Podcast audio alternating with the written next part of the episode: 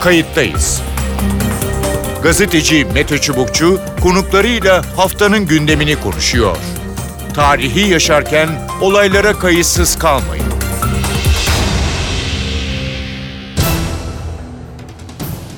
İyi günler bir kayıttayız programıyla daha karşınızdayız. Tarihe ışık tutmak ve olan biteni anlamak için önümüzdeki dakikalarda sizlerle birlikte olacağız. Ben Mete Çubukçu, editörümüz Sevan Kazancı. 2009 yılında futbol diplomasisiyle tohuma atılan protokollerin iptal edilmesiyle rafa kaldırılan Türkiye-Ermenistan ilişkilerinde normalleşme süreci 12 yıl sonra yeniden başlıyor. Haberi önce Dışişleri Bakanı Mevlüt Çavuşoğlu duyurdu. Akabinde özel temsilci atandı. Önümüzdeki günlerde iki başkent arasında diyalog kanalı açılacak. Kayıttayız da bu hafta yeniden canlandırılma sürecine girilen Türkiye-Ermenistan ilişkilerini konuşacağız. İki konuğumuz olacak. Kayıttayız'ın konuğu Profesör Mensur Akgün. Mensur Akgün Kültür Üniversitesi öğretim üyelerinden. Hoş geldiniz programımıza. Çok teşekkürler. Ee, evet yani e, yılın son e, ayında e, bilemiyorum siz katılır mısınız? E, biraz sürpriz ama belli ki zaten altyapısı bir süredir yapılmış. E, bir açılım e, diyelim ya da yeni bir hı hı. E, politika Türkiye ile Ermenistan arasında e, bir e, ilk adımlar atılmaya e, başlandı e, gibi e, bilindiği gibi belki hatırlatmak gerekiyor dinleyicileri.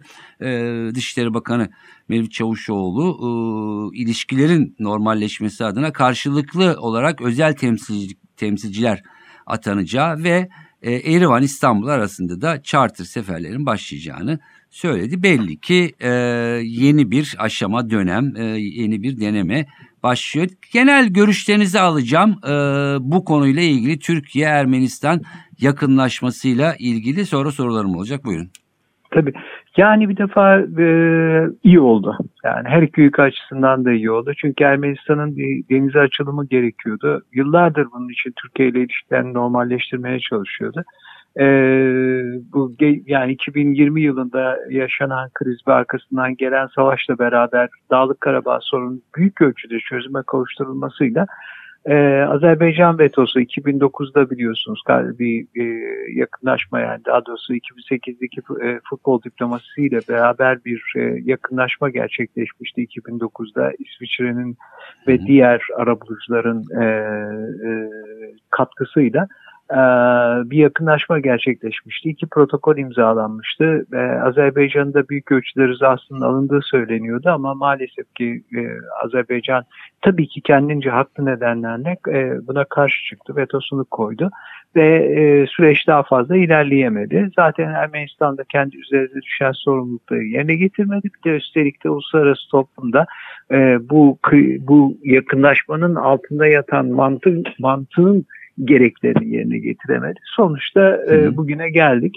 Geçtiğimiz yıl, ya bu yıl ortalarından itibaren zaten yavaş yavaş e, e, sinyaller verilmeye başlanmıştı. Hatta hatta daha e, Azerbaycan'ın e, galibiyetinin kesinleşmesinin hemen ertesinde e, Türkiye'den e, resmi ağızlardan e, hatta en üst düzeyden e, ilişkilerin normalleşebileceğine ilişkin e, sinyaller geliyordu. Bir platform kurulması önerisi vardı gündemde. Hı E, bunun içerisinde Rusya ve İran da olacaktı. Diğer bölge ülkeleri de olacaktı. Ama bu platformun oluşmasına e, yani gerek kalmadan e, belki de onunla paralel olarak tabii ki bilmiyoruz e, detaylarını ama e, şu an için gördüğümüz Hı-hı. gerek kalmadan iki ülkenin ilişkilerinin normalleşmesini sağlayacak olan her iki taraftan da birer özel temsilci atandı. Evet. E, şimdi bana kalırsa tabii bu iş bitmedi yani size zaten e, açışta söylediğiniz e, bitmediğini bir, bu bir başlangıç çünkü evet. müzakere yapılacak. Ama çok geç kalınmamasında Şimdi e, onu soracaktım. Fayda ee, var. Onu evet. soracaktım. Yani yazınızda da e, geç kalınmaması e, deniyor. E, ama tabii yani hep bu zorlu süreçlerden geçiyor 91'den e, bu yana. E, yani neyi kastediyorsunuz? E, bir, e, acele etmek e, işleri daha e, kolay mı çözüyor? Şimdi yani pazarlık olacak belli ki zaten e, Ermenistan tarafından yapılan açıklamalar hem sivil toplum düzeyinde akademisyenlerin yaptıkları açıklamalara baktığınızda hem de devletin yaptığı açıklamalara baktığınızda Ermenistan ön koşulsuz olarak müzakereye hazırız diyor. Ne demek Ee, ön koşulsuz olarak? Yani ön koşulsuz dediği şey e, e, protokollerin içerisinde bulunan bir komisyon önerisini falan gündeme getirmeyin. Soykırımı ayrı tutalım, tarihi bırakalım bir kenara. Biz şimdi bugünü bakalım. Hı hı. E, zaten sizinle hani e, ilişkimizi e, engel olan en önemli faktör Azerbaycan'la aramızdaki ihtilaftı. O ihtilafta çözüm yoluna girdiğine göre demek ki artık bizim e, hem sınır kapılarını açmamız hem de ilişkilerimizi normalleştirmemiz gerekir diye e, bir mesaj veriyorlar benim okumamda e, en azından. Ama tabii e, bu olay bu kadar kolay değil. Çünkü yani Ermenistan'ın Türkiye'nin Ermenistan'a yakınlaşmak istemesinin altında yatan neden e, Ermenistan'ın e, orantısız e, etkisi özellikle Amerika ve Fransa üzerindeki. Hı hı. E, yani 2009'da aslında büyük ölçüde e, Obama'nın iktidara gelmesine paralel bir şekilde gelişmiş olan bir süreçti. Ee, yani soykırım meselesinin, bu tartışmaların, bu iddiaların e, Türkiye ile Amerika'nın ve diğer ülkelerin ilişkisini bozmaması için gündeme getirilmişti. Şimdi diyebilirsiniz ki yani soykırım yönünde çok e, e, e, ilerlemeler kaydedildi. İşte Amerika e, e, soykırım olduğu konusunda bir kanaat belirtti Hı hı. en e, resmi ağızlarından. E, fakat e, tabii bu kadar basit değil çünkü bunun arkasını da getirmek isteyen ciddi bir diaspora ve Ermenistan'ın kendi içerisinde de bu konuda kararlı bir kitle var. Yani e, e, bu iş bitti diyemeyiz. Hı hı. Çünkü arkasından tazminat talepleri gelebilir, başka talepler gelebilir. Ee, ve yani bu sürprizlerle karşılaşmamak için Evet. Türkiye'nin tedbir alması gerekiyor. Bu tedbiri de 2009'da işte kurulacak olan bir komisyonla veya alt komisyonlar pro- şeyde geçtiği gibi e, ne derler e, o e, protokollerden bir tanesinin içerisinde geçtiği gibi o ki orada bayağı bir geçiyordu bu alt komisyon e, lafı çünkü e, hem ikinci maddesine hem üçüncü maddesine geçiyor hem de o komisyonun kurulması ve sınır kapılarının açılması için bir e, e, e, çizelge, bir takvim hazırlanmıştı. O da vardı onun içerisinde. İşte e, şundan iki ay sonra Evet. bu olacak, üç ay sonra bu olacak diye detaylı bir şekilde mutabakat vardı e, bu konuda. E, ben doğrusunu isterseniz yani Türkiye'nin e, şu an tabii ki yani hem ekonomisinde hem içinde hem dışında bir takım sıkıntılar yaşadığı bir gerçek ama bu sıkıntılara rağmen e, tavizsiz bir şekilde ilişkileri normalleştirmeyeceğini düşünüyorum Ermenistan'la. E, zaten öyle olmuş olsaydı özel temsilci değil diplomatik temsilci atanırdı. Sorun e, otomatikman çözülürdü yani. E, oraya büyükelçiyi atardık. Onlar da bize atarlardı. İşte sınır kapılarında şu kadar zaman içerisinde siz bunu yapacağız, biz bunu yapacağız, açacağız diye anlaşırlardı. Yani sorun tekniğe indirgenmiş olurdu. Konuşacak bir şey kalmazdı. Olsa olsa belki hani e, iki tarafın e, e, e, bu inşaatları Evet. yapacak, kapıları açacak olan e, gümrük bakanları falan konuşurlardı. Ama mesele e, belli ki bu kadar basit değil. Türkiye e, eğer böyle bir açılım yapacaksa e, 2009'da en azından elde ettiği kadarını tekrardan elinde tutmak istiyor. Hı hı. E, umarım Ermenistan tarafı da bunu bu şekilde görüyordur, okuyordur e, ve e, pazarlığa açıktır ama açık oldukları belli onların da. E, tabii ki kamuoylarının da hazırlanması gerekiyor. Bunu da reddedemeyiz. Evet, en Ya öyle olmamış biri. olsaydı Hı özel temsilci atamazlardı. Yani neyi müzakere edeceği e, çok açık bir şekilde Evet. ortada. Şimdi duruyor. 2009'u ben de hatırlıyorum. 2009'da e, evet yani e, gerçekten e, önemli bir dönemeçti. E, ama e, yani ben çok hızlı giden bir süreç olduğunu açıkçası düşünmüştüm. Yani birden e, oldu. E, dolayısıyla birden de çöktü. Zaten gerçi o zaman tabii Karabağ işgali Evet. e, söz konusuydu. Şimdi e, o artık e, bir ne derler engel olmaktan çıktı Azerbaycan'ın 44 gün savaşını Evet. kazanmasının e, ardından. E, çünkü o siz e, metinlerin e, tekrar e, yani yeni bir şey olmasın bu metinler üzerinden gidilsin diyorsunuz anladığım kadarıyla. Yani tekrar tekerleği keşfetmek için uzun uzun konuşmaya gerek yok. Yani bunu Kıbrıs'ta da gördük, başka yerlerde de görüyoruz. Eğer yani gerçekten Ermenistan tarafında bir irade varsa, Türk tarafında bir irade varsa çözüm konusunda, ilişkilerin normalleşmesi konusunda bence şey atılabilir. Yani bu belki de bu iki değil beş ay olur. İşte bilmem ne kadar 12 e, ay olur falan ama bir şekilde bir e, e, zaman çizelgesine bağlanmak zorunda gibi geliyor bana hı hı. bu tür şeylerin Peki. yapılması. çünkü yani Türkiye açısından baktığınız zaman Ermenistan artık ne stratejik olarak bir anlam ifade ediyor. Çünkü Rusya'nın tamamıyla kontrol altına girmiş olan bir ülkeden bahsediyoruz. Yani 2008'de yaşamış olduğumuz krizi ve şu an Ukrayna'yı düşünecek olursak Ermenistan'ın herhangi bir hamle yapıp da Türkiye'ye yakınlaştım diye NATO'ya yakınlaşması dolayısıyla da bizim doğu sınırlarımızı Rusya'ya karşı garanti altına almamız diye bir şey söz konusu olamaz. Yani hı hı. Ruslar oradalar ve e, orada da kalacaklar belli ki uzunca bir süre daha. Ee, onun için e, bir defa stratejik anlamı yok. İkincisi Ermenistan çok küçük ve yani doğal kaynakları az olan bir ülke ticari potansiyeli çok fazla yok. Yani müthiş bir ticaret sapması yaratması mümkün değil. Ee, ha evet ticareti bizim üzerimizden yapabilirler. Karadeniz limanlarını kullanabilirler. Başka şeyler olabilir. Ee, e, tabii ki yani bir miktar mutlaka artacaktır ama bu çok müthiş bir sıçrama yaratacak bir ekonomik sıçrama yaratacak bir potansiyele sahip değil e, Ermenistan. Dolayısıyla geriye bir tek faktör kalıyor o da e, lobisinin etkisi o etkiyi e, dengeleyecek bir mekanizmada e, 2009'da e, komisyon olarak kurulmuştu. E, hatırlayacaksınız 2005 yılında hı hı. o zaman başbakan olan Erdoğan, Sayın Erdoğan e, bir komisyon kurulması teklifiyle hatta uluslararası temsilcilerin de olacağı bir komisyon kurulması, tarihçilerden olacak bir komisyon kurulması teklifiyle Ermenistan'a e, e, mektup yazmıştı ve ona tabii ki red cevabı gelmişti. Ama e, daha sonra 2009'da bu komisyon değil de alt komisyon olarak kabul ettirildi. E, şimdi yani bundan çok fazla geri adım atmasının mümkün olmadığını düşünüyorum Türkiye'nin. Ama tabii yani e, devlet insanlarının kafasında neler var, ne gibi şeyler öngörüyorlar e, bu e, bizim e, göremediğimiz, bilmediğimiz başka pazarlıklar var mı? Bunları e, kestirebilmek mümkün değil.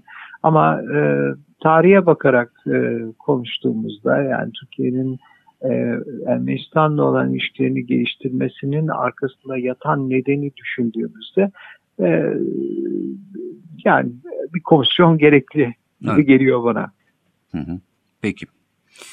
Mensur Akın çok teşekkür ediyorum. Ben teşekkür Katıldığınız ederim. E, ve yorumlarınız için. Çok teşekkür ederim. Kayıttayız'ın konu Uluç Özülker. Uluç Özülker emekli büyükelçilerden. Hoş geldiniz programımıza. Hoş buldum efendim. Efendim ne dersiniz? Ee, Türkiye-Ermenistan yakınlaşması, yumuşaması ya da ilk adımların e, atılması. E, soruyu şöyle e, sorayım. E, yani zamanlama mı ya da hani Türkiye'ye mi yarar, Ermenistan'a mı e, yarar ne ders ne dersiniz? Ya da önemli mi? Efendim e, önemli olduğu muhakkak. E, zamanlama konusu da tabiatıyla de önemli. Şu manada biliyorsunuz biz daha evvel e, bir protokol imzalamıştık. Yine aynı şekilde bir açılım yapılmıştı. Hı hı. Ve bu protokol Azerbaycan'ın o zaman Karabağ meselesi çözümlenmemiş durumda. Bize ya biz ya onlar diye bir tercih yapma durumuna sokmasından sonra e, bir geri adım attık. Onlar da zaten meclisten geçiremediler e, bu protokolları. Hı hı. Dolayısıyla da o tarihte de rafa kalktı. Bugün e, Karabağ meselesi çözümlendiği cihetle Azerbaycan aslında o da bir açılım içine girmiş bulunuyor. E, bu nedenle Türkiye en atlamış olarak bu işi yapabilmek konumundadır. Ama ikinci husus Hı. bizatihi Ermenistan'ın kendi durumu ile ilgili. Hı hı. Orada Paşinyan e, doğrudan doğruya e, Amerika başta olmak üzere Batı ile ilişkileri üzerine bina edilmiş bir politika güttü. Ama da Rusları bu manada biraz ihmal eder duruma girdi. Ve netice itibariyle de Azerbaycan'la olan e, çekişmesinde orada da büyük hatalar yaptı tabiatıyla. Rusya'dan da beklediği desteği bulamadığı için netice itibariyle tam bir mağlubiyetle sonuçlanan ve toprak kaybını da üst düzeye çıkaran bir konuma geldi. Şimdi burada sonuç itibariyle Paşinyan yeniden seçilmiştir. Evet. Ama bu seçilmiş olması Ermenistan'da e, işlerin durulmuş olduğu anlamına gelmiyor. Hı hı. Her halükarda muhalefet bir yandan, e, diğer taraftan da ekonomik bir durum vesaire bütün bunlar alt alta yazıldığında Paşinyan'ın işi zor. Ama diğer taraftan bir gerçek daha var. O da üçüncü bir husus olarak. Hı hı. Rusya buradan sonuç itibariyle kazançta çıkmıştır efendim. Rusya'nın Ermenistan üzerindeki etkinliği e, herhangi bir şekilde sorgulanamayacak kadar netleşmiştir. Bu arada e, bir dördüncü husus, e, bu da çok e, ilginç. Minsk grubu bitti. Evet. Dolayısıyla burada bir Amerika'da Rusya falan diye bunlardan bahsedilmiyor. Yeni dengeler üzerine oturtulmuş bir e, sistemden söz ediliyor. Bu, bu sistemin birinci ayağı e, Kafkaslar itibariyle e, Türkiye'nin de işin içinde güçlü bir şekilde yer aldığı dengedir. Hı hı. Bu da aslında çok önemli bir husus. Azerbaycan'la çok yakınlaştık ama Rusya ile de aynı zamanda ilişkilerimiz şu ana kadar iyi. Dolayısıyla Kafkaslar'da Ermenistan eğer e, herhangi bir şekilde bir çözüm veya bir rahatlama e, e, nispi olsa dahi bir rahatlama içine girmeyi arzu ediyor ise Türkiye'ye de yakınlaşmak mecburiyetinde hissetmek durumundadır kendine diye bakmak lazım. Peki. Bu sebeptedir ki Paşinyan bu açılımı yaptı. Ve biz de e, o- olumlu bir cevap verdik. Ama da bunun ötesinde başka iki husus daha var. Bunlar da, da fevkalade önemli bence. Birincisi her halükarda e, Ermenistan'la olan münasebetlerimiz e, geliştiği ölçüde Hı hı. bizim e, Doğu Anadolu'da Kars, Ardahan, Doğu Bayazıt yöresi başta olmak üzere ticari yönden çok önemli kazanç elde edeceğimiz kesin efendim. Hı hı. Her elbekarda buradan gene bizim Ermenistan'a ciddi bir ihracatımız var. Yani 200 milyon dolarlar civarına kadar çıkabilen bir ihracattır bu. Ama bunu Er- Gürcistan üzerinden yapmaktayız. Evet. Dolayısıyla burada e, hudut açıldığı takdirde e, ben eminim ki bölge e, Türkiye'de o Kars Ardahan Doğu Bayezid başta olmak üzere bütün o yöre bundan çok yararlanarak çıkacaktır. Ama bunun ötesinde ikinci bir husus var. E, burada da aslında çok dikkat etmek lazım. E, Ermenistan'ın biliyorsunuz o anayasanın giriş kısmında, divakesinde e, sözde soykırımı Türkiye'nin e, tanımak e, durumunda olduğuna dair net bir hüküm var. Hı hı. Ayrıca burada bir de Ermenistan tarifi yaparken e, Halep de dahildir ama Halep'i şimdi pek dikkate almıyorlar Suriye'deki durum dolayısıyla. Ama Türkiye'nin altı e, vilayetinin Batı Ermenistan adıyla anıldığı da muhakkak. Hı hı. Şimdi burada Paşinyan koşulsuz olarak ben bu işi kabullendim yapacağım şeklinde bir açılım yaptı. Bundan evvelki açılımları da aynı şekilde olmuştu ama netice itibariyle bir yandan da e, bu e, bu konuda ileri adımlar atmak hususunda da herhangi bir şekilde geri adım atmadılar. Peki. Şimdi de son bir şey daha var. O da e, ilginçtir tabii. Diaspora bugüne kadar e, mali yönden özellikle Ermenistan'a çok ciddi yardımlarda bulundu, katkılarda bulundu. Ama Ermenistan bundan da rahatsızdı. Kendi bağımsızlığını kazanmak ve ayak ayağının üzerinde durabilecek konuma gelmek ihtiyacı içindeydi. Şimdi burada e, herhangi bir şekilde e, bir çözüm üzerinde mutabakat sağlanabildiği takdirde e, netice itibariyle diasporanın e, Ermenistan üzerindeki etkinliğinde de bir gerilemeye gerilme ihtimali olabileceğini düşünmek gerekiyor. Hı hı. Son bir şey daha var o da Türkiye'nin 3 artı 3 formülü kapsamında ki 3 artı 3 Rusya, Türkiye, İran Evet. diğer taraftan da, da Gürcistan, Azerbaycan Ermenistan. Hı. ve Ermenistan olmak üzere 6 ülkeden oluşacak. Bunun da aslında bir yarar sağlayıp sağlayamayacağını çok düşünmek lazım. Neden? Ee, bildiğimiz gibi Azerbaycan'la bu Karabağ Savaşı öncesinde de Hı hı. İsrail Azerbaycan'a topyekun destek oldu. Evet. Ve e, silah mesela 5-6 milyar 6 milyar dolarlık silah da satmıştır Evet. ciddi bir meblağ.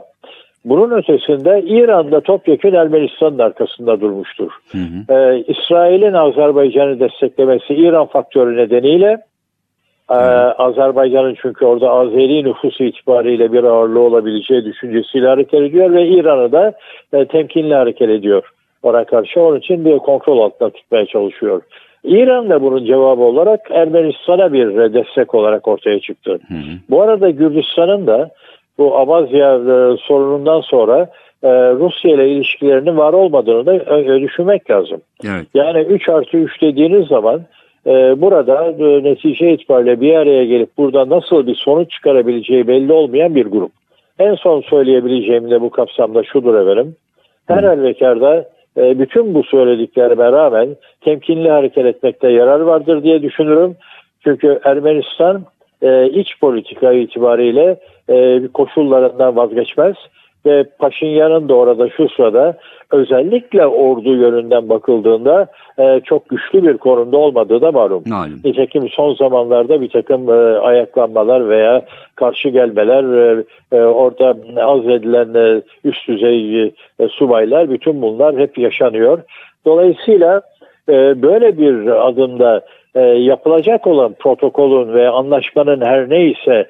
Azerbaycan'ın da mutabakatıyla tabiatıyla onu da tatmin edecek şekilde e, iç politikasından nasıl etkilenip başarı kazanıp kazanamayacağını da biraz bekleyip görmekte yarar bulunuyor. Dolayısıyla şimdiden adım adım ilerlenmesi gereken ama temkinli olmakta da mutlak şekilde yarar olduğuna inandığım bir e, e, olumlu politik çizgiye doğru bu işin gittiğini düşünüyorum. Ama daha her şey bitmiştir diye de e, bakabilmek için evvela bütün bu prosedürlerin, bütün bu sürecin e, başarıyla atlatılmış, tamamlanmış olması gereğine de inanıyorum. Peki e, Uluç Bey e, bir soru daha kısa bir yanıt isteyeceğim. Şimdi karşılıklı özel temsilciler atanacak. Türkiye herhalde eski Washington Büyükelçisi yanılmıyorsam Serdar Kılıç herhalde e, evet. atıyor. E, ne yapacaklar ne yaparlar özel temsilci yani ne anlama gelir özel temsilci ne yapar e, bu görevi e, üstlenenler? Evet, e, teşbihsat almaz diye güzel bir tabirimiz vardır efendim. E, Yunanistan'la istikşafi görüşme yapıyoruz biz değil mi? Evet. Yani siyasi açıdan evvela e, bir güven duygusunu tekrar ihya edebilmek için e, adım atılmaktadır. İstikşafi görüşme budur. Hı hı. Yani İsmail Cem'le rahmetli e, Papanzeo arasında e, çözemeyeceğimiz e, siyasi sorunlar yüzünden devamlı bir çekişme, devamlı silahlanma, e, masraflar vesaire bu noktaya gitmek yerine e, güven oluşturacak biçimde aramızda ne yapılabilir işbirliği olarak ve buna da kimse itiraz edemez. Bunların araştırıldığı bir ortam yaratılmıştı. Hı. Ve 10-12 yıl civarında bunun başarıyla yürüdüğü de kesin. Hı. Şimdi dolayısıyla burada e, özel temsilciler işte aynı şey e, Mısır'la da yaptık. Mısır'a da özel temsilciler gönderdik. E, müzakereler hala bi- bildiğiniz gibi e, bir takım koşulları var. İşte e, IŞİD'in e. Türkiye'den e, tamamen tasfiye edilmesi, gönderilmesi vesaire. E, Müslüman kardeşlerle de ilgili olarak bir takım tedbirleri için Mısır'ın talep yani müzakere safhatına geçmeden Geçme. evvel yaptığınız bu istikafi görüşmelerde taraflar e, açıktan birbirlerine söyleyemedikleri birçok şeyi masaya koymak suretiyle e, yani bir, bir denge oluşturmak için mücadeleye giriyorlar. Evet. Burada Serdar başarılı bir büyükelçiydi ama kesin kes oraya e, özel temsilci olarak gitmiş olmasına karşın e, tek başına karar alıp da bir şey yapabilecek konumda elbette değildir. Dolayısıyla e, bu zannediyorum e, bu özel temsilci olarak tarafların hangi ölçüde ve hangi alanlarda bir mutabakat sağlayarak bu işe başlayabileceklerinin saptanması yönünde bir ilk adım atacaklardır diye beklemek daha doğru olur diye bakmaktayım. Yoksa ben e, hani e, Türkiye e, elbette ki hele Azerbaycan e, Karabağ meselesini de e, hallettikten sonra Türkiye yönünden mutlak şekilde daha büyük bir avantaja sahibiz bu ilişki eğer gelişebilirse. Hı hı. Ama Ermenistan'ı da unutmayalım ki Batı'ya ki çok güvenmek istediği Paşinyan'ın Batı'ya tek açılış yolu Türkiye'dir. Evet. Dolayısıyla bunun ağırlığı ölçüsünde bastıracağı Ermenistan'da düşünülebilir. Ama bütün bunlar istikşafi görüşme olarak adlandıracağım. Bu özel temsilciler arasındaki Hı hı. toplantıda zannediyorum masaya yatırılıp herkesin imkan ve kabiliyetleri ve sıkıntıları net bir biçimde ortaya konduktan sonra neler yapılabileceği üst düzey ancak o zaman taşınacaktır diye beklemek daha e, akıl kârıdır diye efendim. Peki bir, bir soru daha ekleyeceğim. Kısa bir yanıt. Ee, Rusya e, yeşil ışık yakmış mıdır sizce? E, ya da Rusya ne bekler? Türkiye-Ermenistan yakınlaşması ya da Ermenistan-Azerbaycan yakınlaşmasından. Efendim e, Rusya çok mutlu olur bu işten. Çünkü netice itibariyle şunu aklımızdan çıkarmayalım. Biz e, bi- 1991'de e, bağımsızlıklar geldiği zaman e, Türk Cumhuriyetlerine bu bölgede ve Er- Ermenistan'a da tabiatıyla e, biz buraya hemen bir akın içinde girdik. Ruslar bizim kulağımızı böyle çektiler. Dediler ki burası bizim yıllardan beri arka bahçemizdir. Dolayısıyla bir denge içinde bunu götürmemiz lazım. Evet. Yani siz tek başınıza Türk Cumhuriyetleri'ne giremezsiniz.